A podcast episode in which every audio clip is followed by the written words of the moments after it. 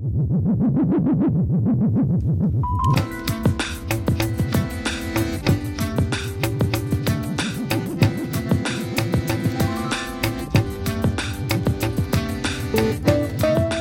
tempo da parolada desta noite en Efervesciencia contamos con dous convidados que nos atenden desde a Coruña.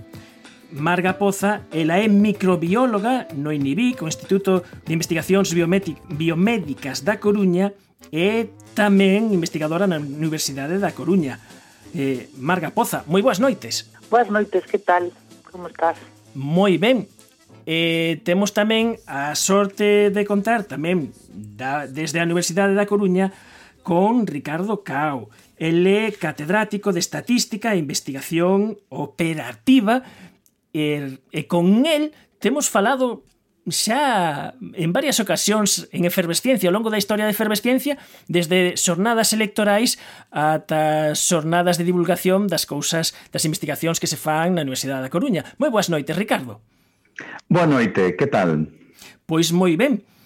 A cuestión é que xuntamos eh, nun mesmo tempo efervescente a unha microbióloga e un matemático que eh, hai uns poucos meses non vos coñecíades non tiñades non sabíades a existencia un de outro e acabastes traballando eh, nun proxecto que está dando uns froitos moi interesantes que é COVID Bens. Como foi eh, Marga, eh, como foi ese inicio do confinamento e que mandaron os microbiólogos vos mandaron a casa porque non edades esenciais? Bueno, pois eh, efectivamente, eh, nos estábamos no laboratorio de microbioloxía e de pronto pois non éramos esenciais e eh, tivemos que emigrar para casa, non?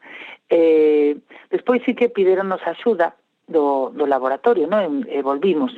Estuvimos un tempo, logo, bueno, hubo así un pouco de, de, de, de jaleo e tal, e volvimos para casa outra vez.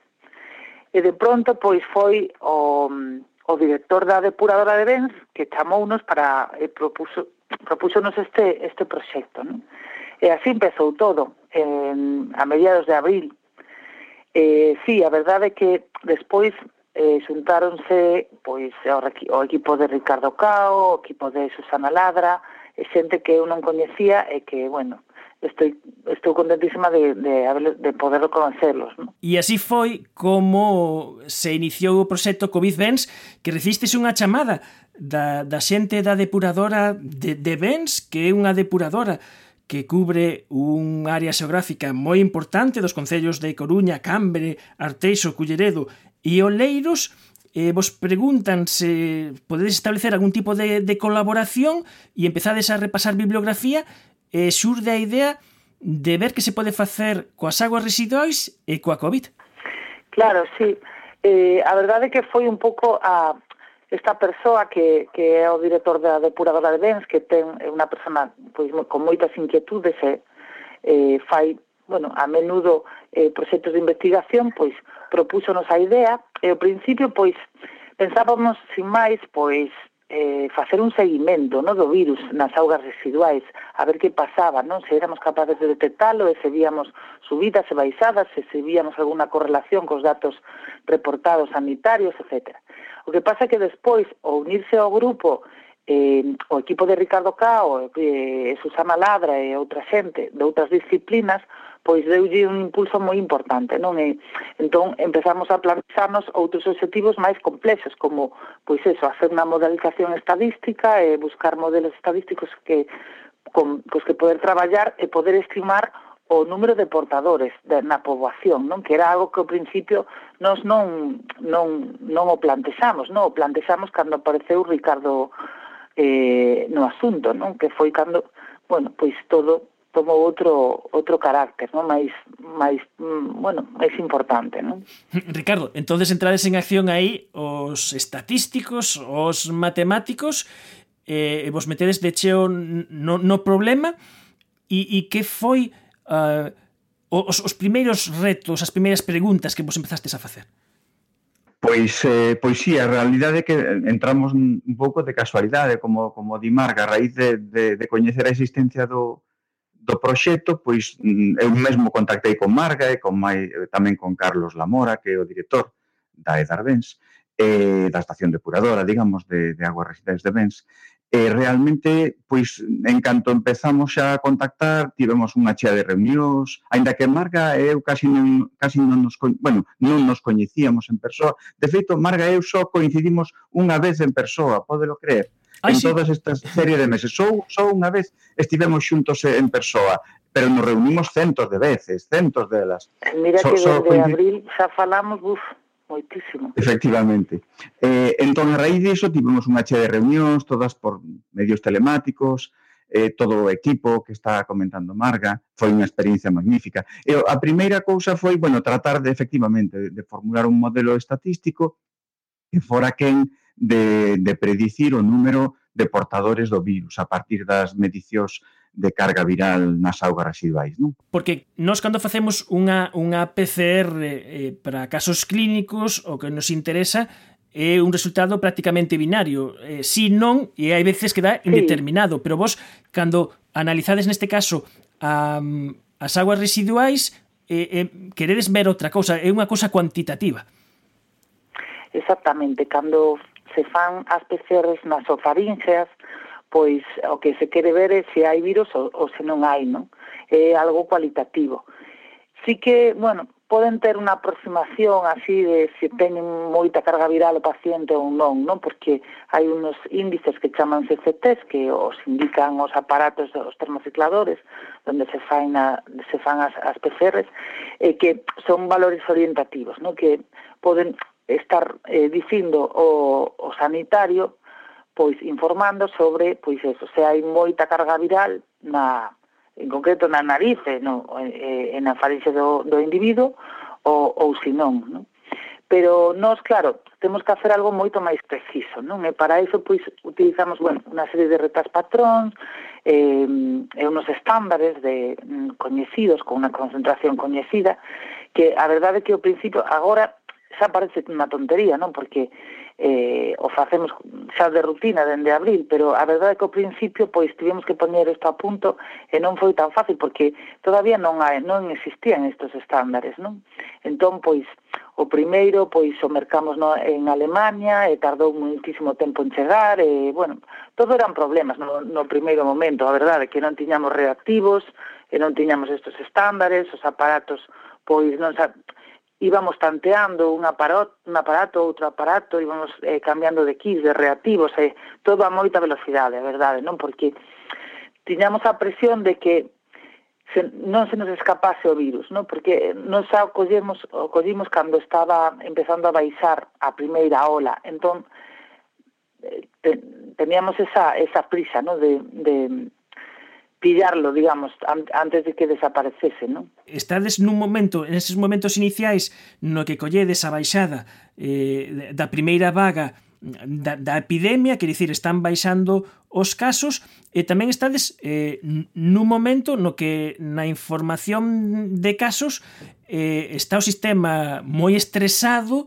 eh, eh, se, se vos os microbiólogos eh, necesitades afinar as vosas técnicas Os matemáticos necesitades datos e neses, neses inicios o que non había moitos datos e moi fiables. Eh, eso é certo, eso foi un, un dos grandes problemas que tivemos que eh, tivemos que, que atallar de algún xeito. Por decirlo así, eh, nes, naquela, daquela tiñamos moi poucos datos. Nos, nos de todos os xeitos poidemos, tivemos ocasión de, de, de gozar de algúns datos moi valiosos no sentido de que eran datos individuales de pacientes, anonimizados, por suposto, froito dunha, dunha labor de, de apoio e de asesoramento que lle demos a Dirección Xeral de Saúde Pública, o noso grupo de investigación. Estivemos como 48 días, creo lembrar, facendo informes diarios nos que facíamos previsións do número de persoas ingresadas en hospital, número de persoas en UCI, número de persoas contagiadas, para, para unha semana vista, digámoslo así. Eso era bastante importante para a Dirección Xeral de Saúde Pública, porque lembrades que houve momentos en que eh, se chegou a pensar se tiñan que ter, eh, digamos, un hospital extra de campaña, estivo preparado aquí mesmo na Coruña. Entón, froito diso, eh, houve un par de momentos no que, no que pudemos acceder a datos individuales de pacientes, obviamente anonimizados,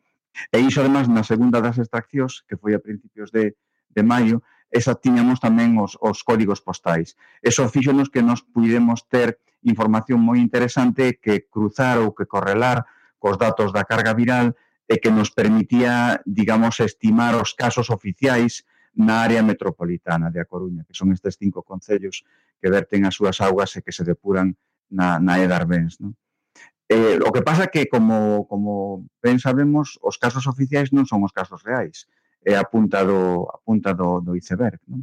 E, e, e de feito, eh, todo este traballo de Covid Benz eh, deu lugar a unha prepublicación, bueno, é que tamén unha das eh, palabras de moda, é unha publicación eh, un preprint eh, Met Archive, non sei se eu estou a, a pronunciar ben, onde dades conta precisamente eh, dese método predictivo que, que desenvolvedes, e a min eh, chamoume moito a atención precisamente o que di Ricardo eh, unha imaxe, unha gráfica que tedes na que pintades o, o iceberg, o iceberg e, e que hai realmente dous icebergs pintados.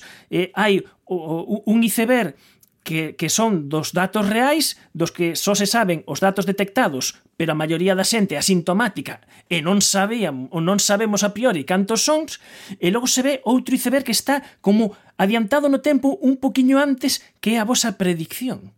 Bueno, máis que adiantado no tempo, o que, o que queremos reflexar aí é que é que, é, que, que non é igual o, o, o real, é dicir, que por un lado está o iceberg real que ninguén con, coñece porque non sabemos realmente cantos casos hai, e logo está o estimado, que é un iceberg que, que é aparentemente como o real, pero é un poquinho diferente, non? En concreto, pois, 10% diferente, que é o que o error que cometen os, os modelos estatísticos, non? Non, non é o feito que este desplazado no tempo, eso é, é outro concepto que é o de alerta temperá, que foi o que, bueno, logo, logo podemos falar disso, que e para que, bueno, que demostramos con, con este sistema que somos capaces de, de adelantarnos 14 días, ¿no? con respecto aos datos sanitarios. Ajá, que a vosa información chega con dúas semanas de antelación. 14 días antes. 14 días sí. antes, que vedes eses cambios de tendencia 14 días antes e e aí está a pregunta. Eh, eh Ricardo, eh tiñades eh, se fosedes físicos, diríades, falaríades de pacientes escuros, pero eh, somos eh, eh, eh, eh, son os asintomáticos, a xente que non se detecta nos test, e como estimades esa parte do iceberg que non se ve?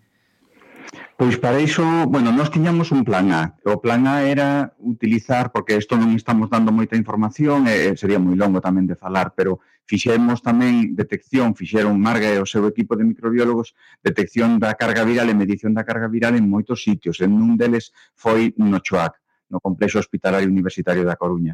Eh, como aí é moito máis fácil estimar bastante fiablemente o número de persoas que están, vou non decir así casi, excretando virus a, nas súas feces a, a rede de saneamento.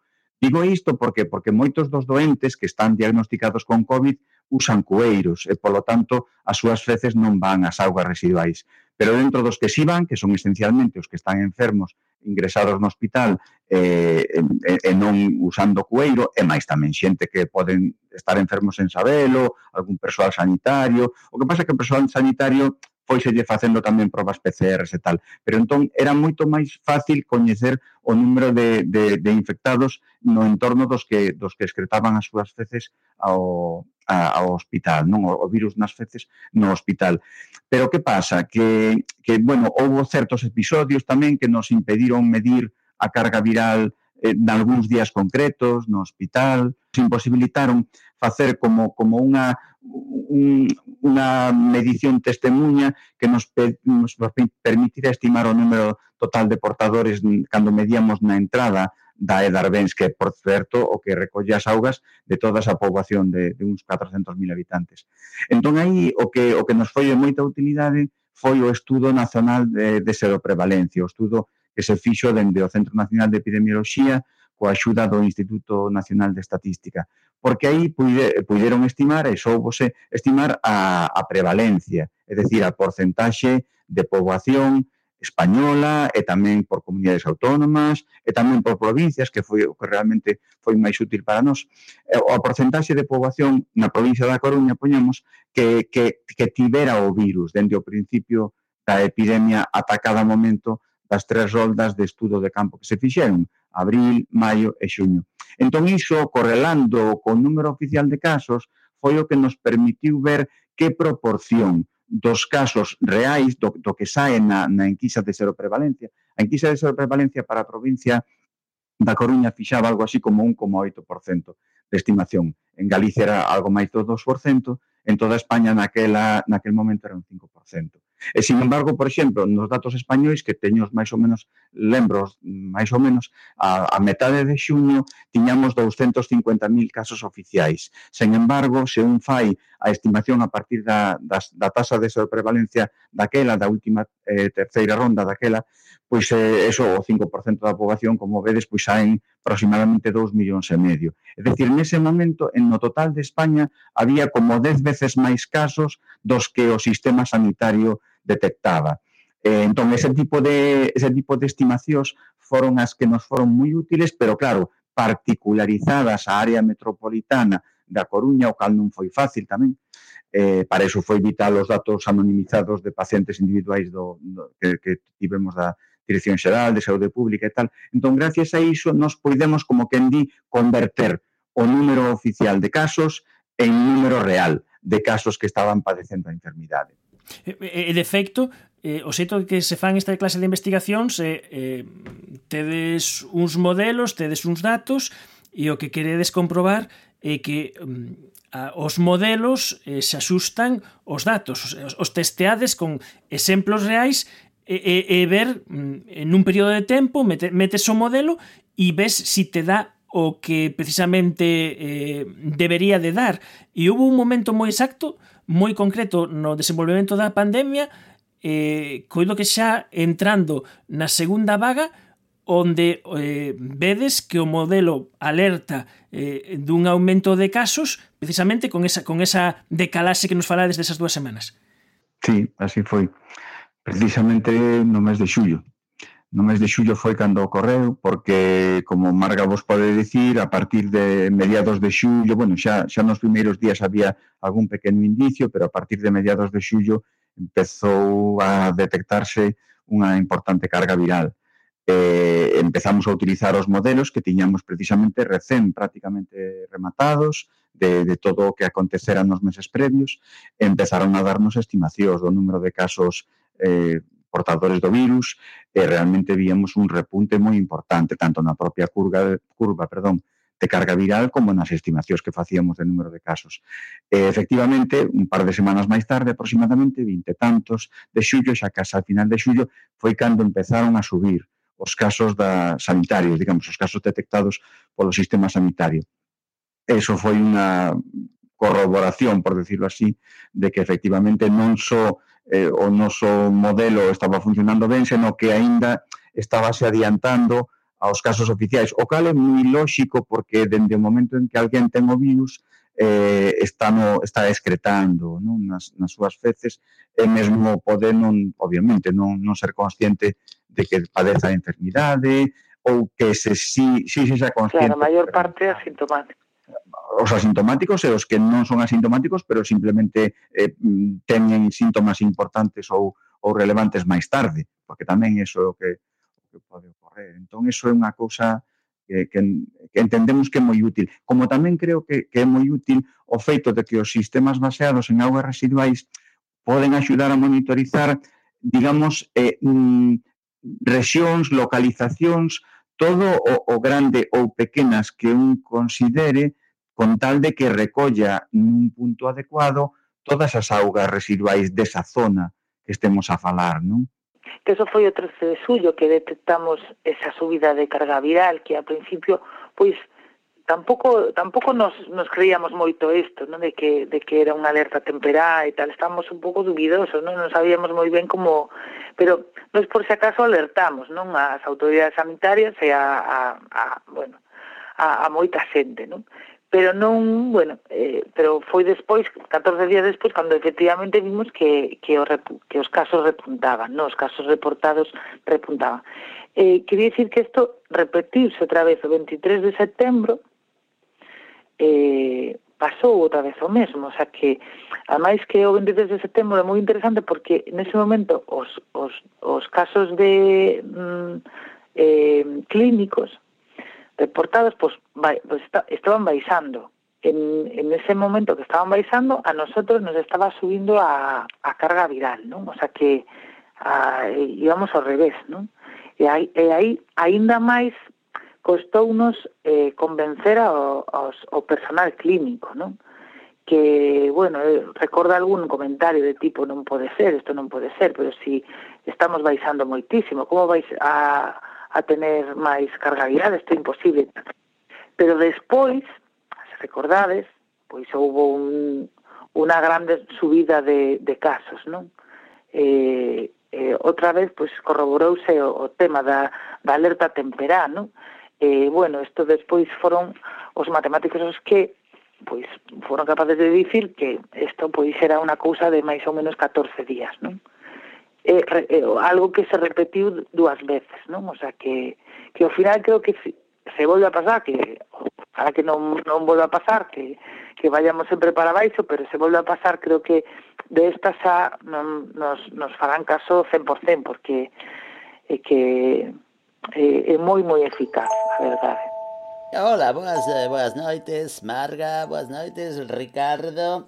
En, en, entón, entón, non, eu agora estaba pensando que entón isto habería que que, que poñelo por toda Galicia, ou seja, medir as cacas de todos os galegos e as galegas, non? Pois sí, eu penso que sí. Medir as cacas é, é, é correcto, é correcto esa expresión. Sí, de feito, mira, se nos, eh, nos están propoñendo outras cousas, non? Agora imos empezar tamén un pequeno proxecto piloto co, para medir a, a, a carga viral nas, nas, nas augas residuais de, de residencias de maiores, non?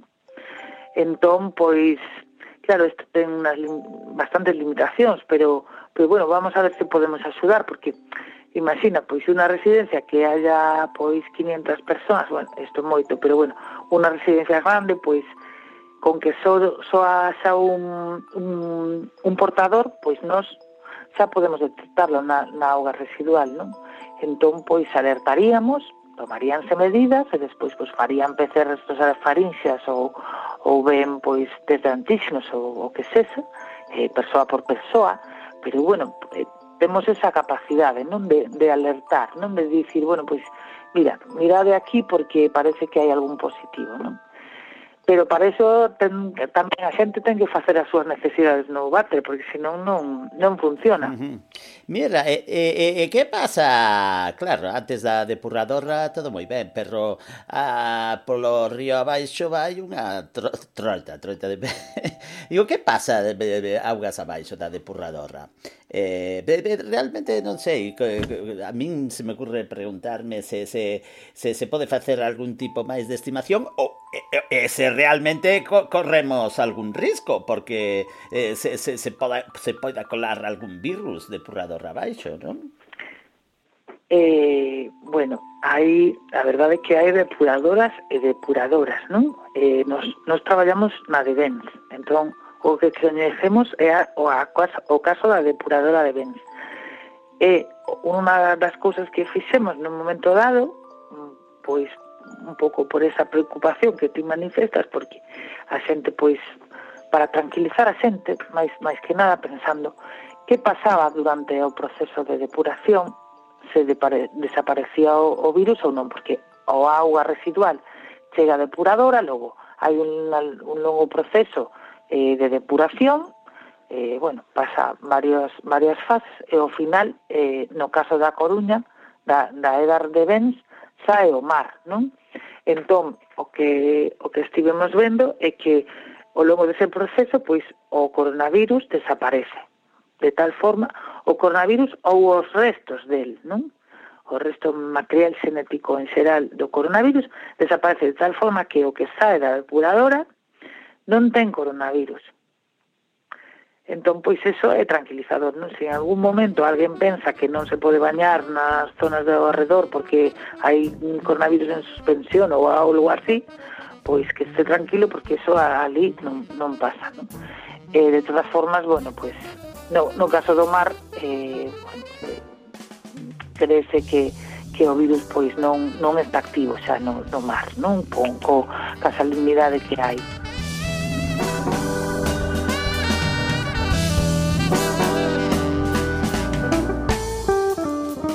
Estivemos a conversar esta noite con Marga Poza, microbióloga do INIBIC, que ela é especialista en microbioma, pero que as cousas da pandemia levoulles a, a, a montar, a, a liderar todo este proxecto. Eh, Margarita, moitísimas grazas por, por nos atender esta noite. Pois gracias a vos, un placer. E eh, tamén estivemos a conversar con Ricardo Cao, que é catedrático de Estatística e Investigación Operativa e, e tamén e, ten moito que ver e, con todas estas cosas que estamos a falar el eh, preside e dirixe o Grupo de Acción Matemática contra o Coronavirus da, da CEMAT, que é unha confederación de, de entidades eh, matemáticas que fan unha chea de proxectos que hoxe non nos dá tempo a contar, pero que o mellor teremos que facer eh, que, que, que recunques, igual que Margarita, que está igualmente convidada, e nos contes eh, como as matemáticas, ademais deste exemplo maravilloso, están axudando a loitar contra a COVID. Pois, pois nada, o vosso dispor e, por suposto, cando, cando que irades podemos falar deses outros proxectos. E moitas gracias pola vosa invitación e, e cuidade vos todos, eh, Manuel e, e a Boa, que é un dos colectivos vulnerables. Cuidadinho todos sí, a Boa. Sí, no, ade ademais quedo moi tranquila porque nunca pensei que o momento no que eu aproveito para ler pois poida, poidera ser tan útil, non?